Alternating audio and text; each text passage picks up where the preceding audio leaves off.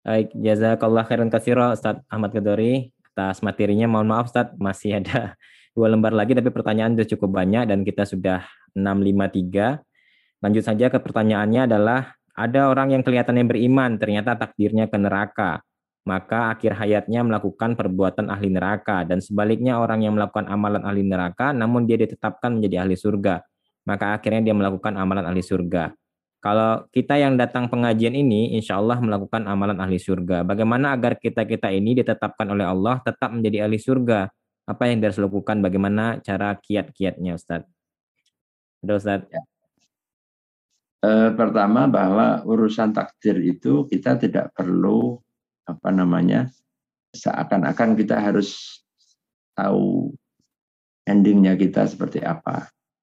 Ya, karena yang tahu takdirnya kan hanya Allah yang menjadi perhatian kita, yang menjadi tugas kita adalah bahwa kita memilih amal, memilih pilihan yang baik, yang benar. Ya, takdir kita kita tidak tahu. Seandainya manusia itu tahu tentang takdirnya, maka mungkin orang yang dia tahu bahwa takdirnya dia nanti ahli neraka, ya ngapain juga dia sholat, ngapain juga dia berbuat baik karena toh dia tahu bahwa nanti dia akhirnya di neraka gitu ya. Maka di antara kenapa Allah itu merahasiakan takdir, rahasia takdir itu yang tahu ya Allah. Ya. Tahunya bahwa ini takdir ya kalau sudah terjadi. Ya. Nah, kita kan belum tahu bahwa takdirnya yang terjadi besok untuk kita kan tidak tahu. Nah, biarkan itu adalah Allah Ta'ala, domainnya Allah Ta'ala. Kita tidak perlu kemudian mempermasalahkan terlalu dalam tentang bagaimana takdir kita nanti ke depan. Ya, seperti berandai-andai tadi ya. Bagaimana kalau ada orang itu yang oleh Allah dia takdirnya itu sudah dicatat dia itu ahli neraka akhirnya. Nah, padahal dia ini sergap pengajian begitu ya. Sergap perbuatannya baik gitu ya. Seandainya ada yang seperti itu dan yang dan itu yang tahu hanya Allah, ya hanya Allah taala. Ya, karena Allah lah yang berhak untuk menjadikan manusia ini beriman. Ya, ya kalau Allah menginginkan manusia semua beriman pun Allah bisa, tapi Allah kan tidak menginginkan begitu. Nah, maka yang penting jangan kita terlalu masuk ke dalam tentang takdir akhir kita itu. Yang penting kita yang sekarang kita lakukan ini adalah berupaya untuk berbuat yang baik. Berupaya untuk menuju kepada takdir yang baik. Ya. Kalau kita ingin atau bercita-cita untuk takdir yang baik, maka Allah akan memudahkan. Kata Nabi, I'malu fakullun muyassarun lima khuliqalah. Beramalah, berbuatlah, sungguhnya Allah akan memudahkan seseorang itu menuju takdir yang dia inginkan. Ya, kalau dia menginginkan menjadi ahli surga, ya maka lakukanlah hal yang uh, itu menuju kepada takdirnya ahli surga. Gitu. Selebihnya ya itu serahkan kepada Allah Taala. Baik, Ustaz. Intinya istiqomah ya, Ustaz ya. Yang ya. penting usaha kita untuk istiqomah terus sehingga nanti husnul khotimah. Ustaz, pertanyaannya, kaum Nabi Yunus Allah masih terima taubatnya dengan melihat tanda-tanda datangnya azab Allah dibandingkan ya. dengan kaum Nabi Musa, Nabi hmm. Nuh dan lain-lain.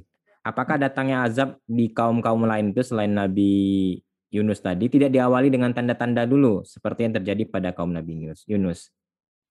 Halo Ustaz. Tidak semuanya, tetapi uh, sudah diberikan peringatan ya. Contohnya seperti kaumnya Nabi uh, Nabi Lot juga ini kan sudah ada peringatan bagi mereka ya bahwa kalau kalian tidak berhenti dari perbuatan ini maka azab Allah akan datang. Nah, cuman Allah Subhanahu wa taala mengkhususkan ini ya kepada Nabi kaumnya Nabi Yunus ini eh, masih diberikan kesempatan dan ini adalah rahmat Allah, ini adalah kemurahan dan kasih sayang Allah Subhanahu wa taala. Dan lebih lagi adalah kepada Nabi Muhammad Shallallahu alaihi wasallam di mana umatnya ini azabnya itu tidak langsung ya, tidak sebagaimana kaumnya Nabi dulu dibinasakan semuanya ya. kalau umatnya Nabi Muhammad ini Allah Subhanahu wa taala Allah tunda, Allah tahan gitu ya. Allah berikan kesempatan mereka untuk kembali untuk beriman. Nah ini semua adalah karena semata-mata kemurahan dan rahmat Allah Ta'ala. Baik Ustaz. Pertanyaan berikutnya, perbedaan yang kontras dengan kaum-kaum sebelumnya, antara kaum Nabi Yunus dan tadi kisah Nabi Musa ya, dan Nabi Nuh. Apakah yang menjadikan kaum Yunus lebih lembut dalam menerima ajaran? Lebih artinya faktor apa yang membuat kaum Nabi Yunus itu bisa menerima ya sebenarnya bukan menerima ya Ustaz ya karena memang mereka sadarnya gara-gara ada tanda-tanda azab itu Ustaz ya. Ya. Nah, wallahu alam ya, tapi ayat ini sebenarnya tujuannya adalah untuk memberikan kepada sindiran ya kepada orang-orang kafir Quraisy di Mekah itu bahwa kalau kalian itu e, mau beriman sesungguhnya masih ada peluang, masih ada kesempatan. Sebagaimana Allah masih memberikan kesempatan kepada kaumnya Nabi Yunus ya. Jadi contoh atau kisah ini sesungguhnya adalah dalam rangka untuk memberikan pelajaran ibrah kepada penduduk Mekah kaumnya Nabi Muhammad waktu itu Shallallahu Alaihi Wasallam agar mereka itu menerima dakwahnya Nabi. Nah, mereka mau beriman ya. Oh, di saat-saat akhir kaumnya Nabi Yunus itu tapi mereka masih pada akhirnya mau beriman mereka diselamatkan oleh Allah dari azab. Ya, tidak mendapatkan kebinasaan. Nah ini jadi ini menjadi satu pelajaran ya. Jadi ada ada message ya ada pesan yang ingin disampaikan eh, kepada kaumnya Nabi Muhammad kafir Mekah ini agar mereka mbok yo kamu coba itu ambil pelajaran ibrah dari kaumnya Nabi Yunus gitu mereka masih diberikan kesempatan oleh Allah. Jangan sampai telat, jangan sampai uh, terjadi sebagaimana yang pernah terjadi kepada Fir'aun, kepada kaumnya Nabi Nuh dan uh, kaum nabi-nabi yang lain. Wallahu Berikutnya ada kaum-kaum nabi yang kemudian didakwahin oleh nabi, nah, ada yang membangkang ya dan kemudian mendapatkan azab seperti ya. kaum Nabi Nuh, Lut dan Firaun. Ya, tapi juga ada nabi-nabi yang kaumnya tidak menerima ajaran Nabi Ibrahim, Ismail, tapi tidak mendapatkan azab. Nah, kira-kira yang menyebabkan atau faktor apa yang membuat uh, mereka ini mendapatkan azab Allah, Ustaz? Apakah karena kecurangan ataupun perilaku mereka itu sudah sangat berat kadarnya? Oh, azab itu ya. Ada yang turun azab, ada yang enggak, Ustaz. Sama-sama membangkang tapi di beberapa kisah Nabi tidak sama, ada dikasih azab ada enggak. Ya, nah tentu azab itu karena kezaliman ya, bahwa azab azab itu turun ketika manusia itu sudah melampaui batas-batas yang telah ditentukan.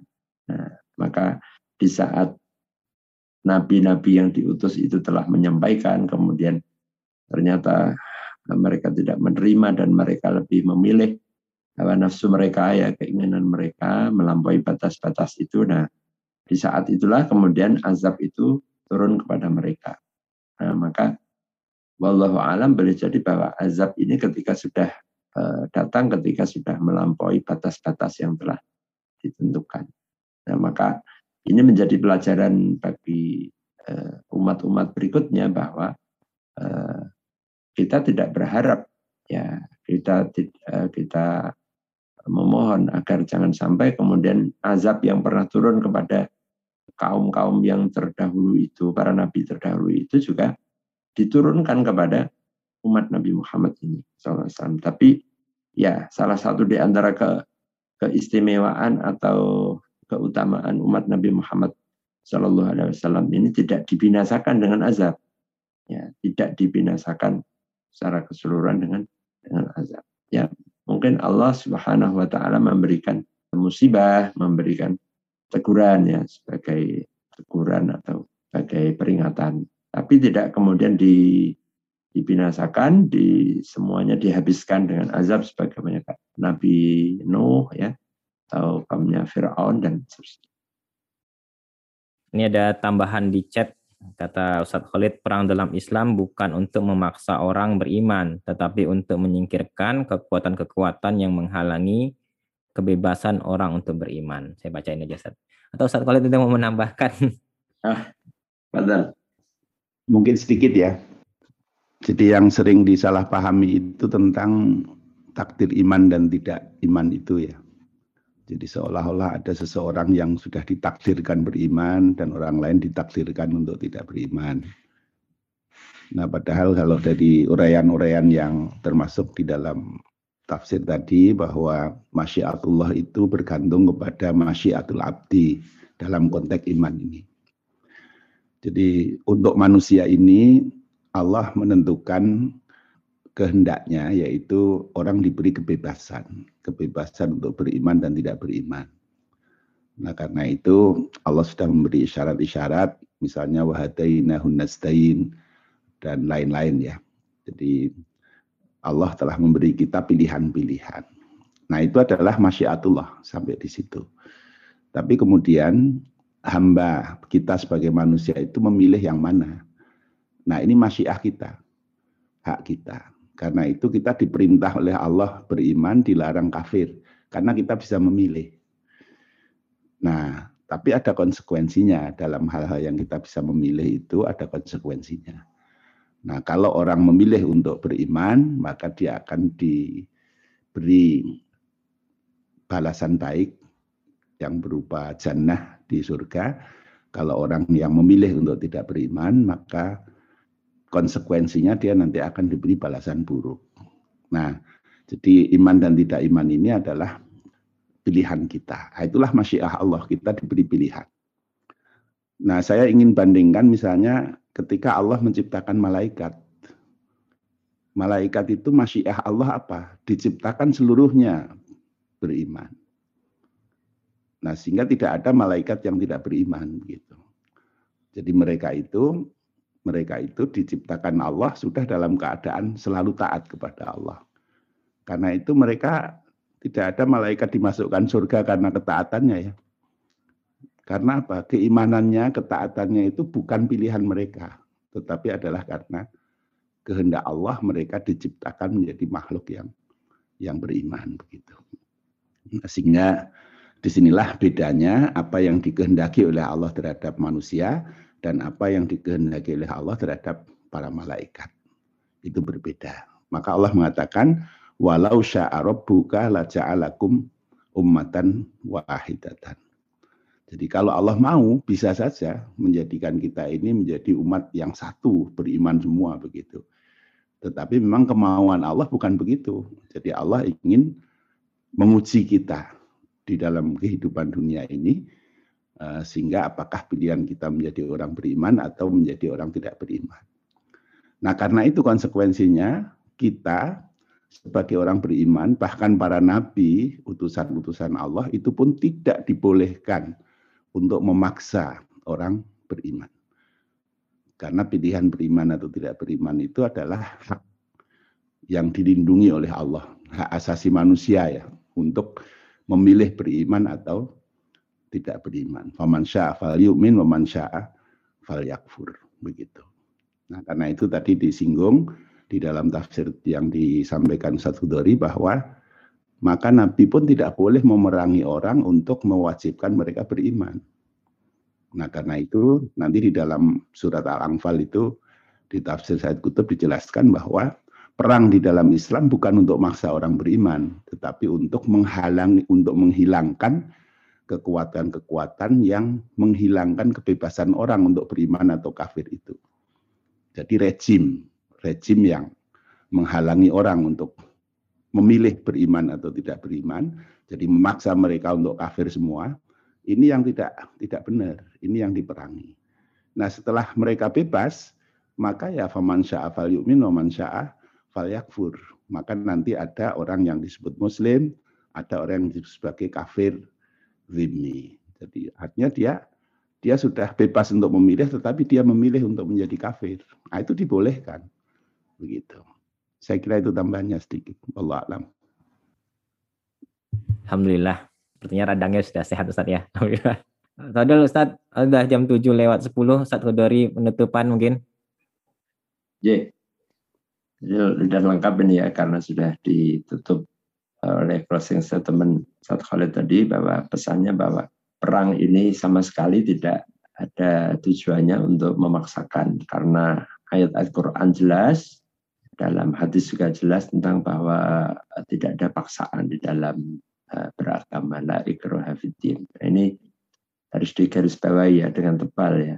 Ah, karena selama ini orang menuduh atau memahami bahwa ah, perang dalam Islam itu memaksakan keyakinan kepada orang lain. Sama sekali tidak. Ya. Justru Islam itu datang untuk memberikan kebebasan orang untuk beriman atau tidak beriman. Faman sya'a fal yu'min wa man sya'a fal yakfur. Nah, masing-masing iman punya konsekuensi, tidak beriman atau kafir itu juga punya konsekuensi. Wallahu a'lam bishawab.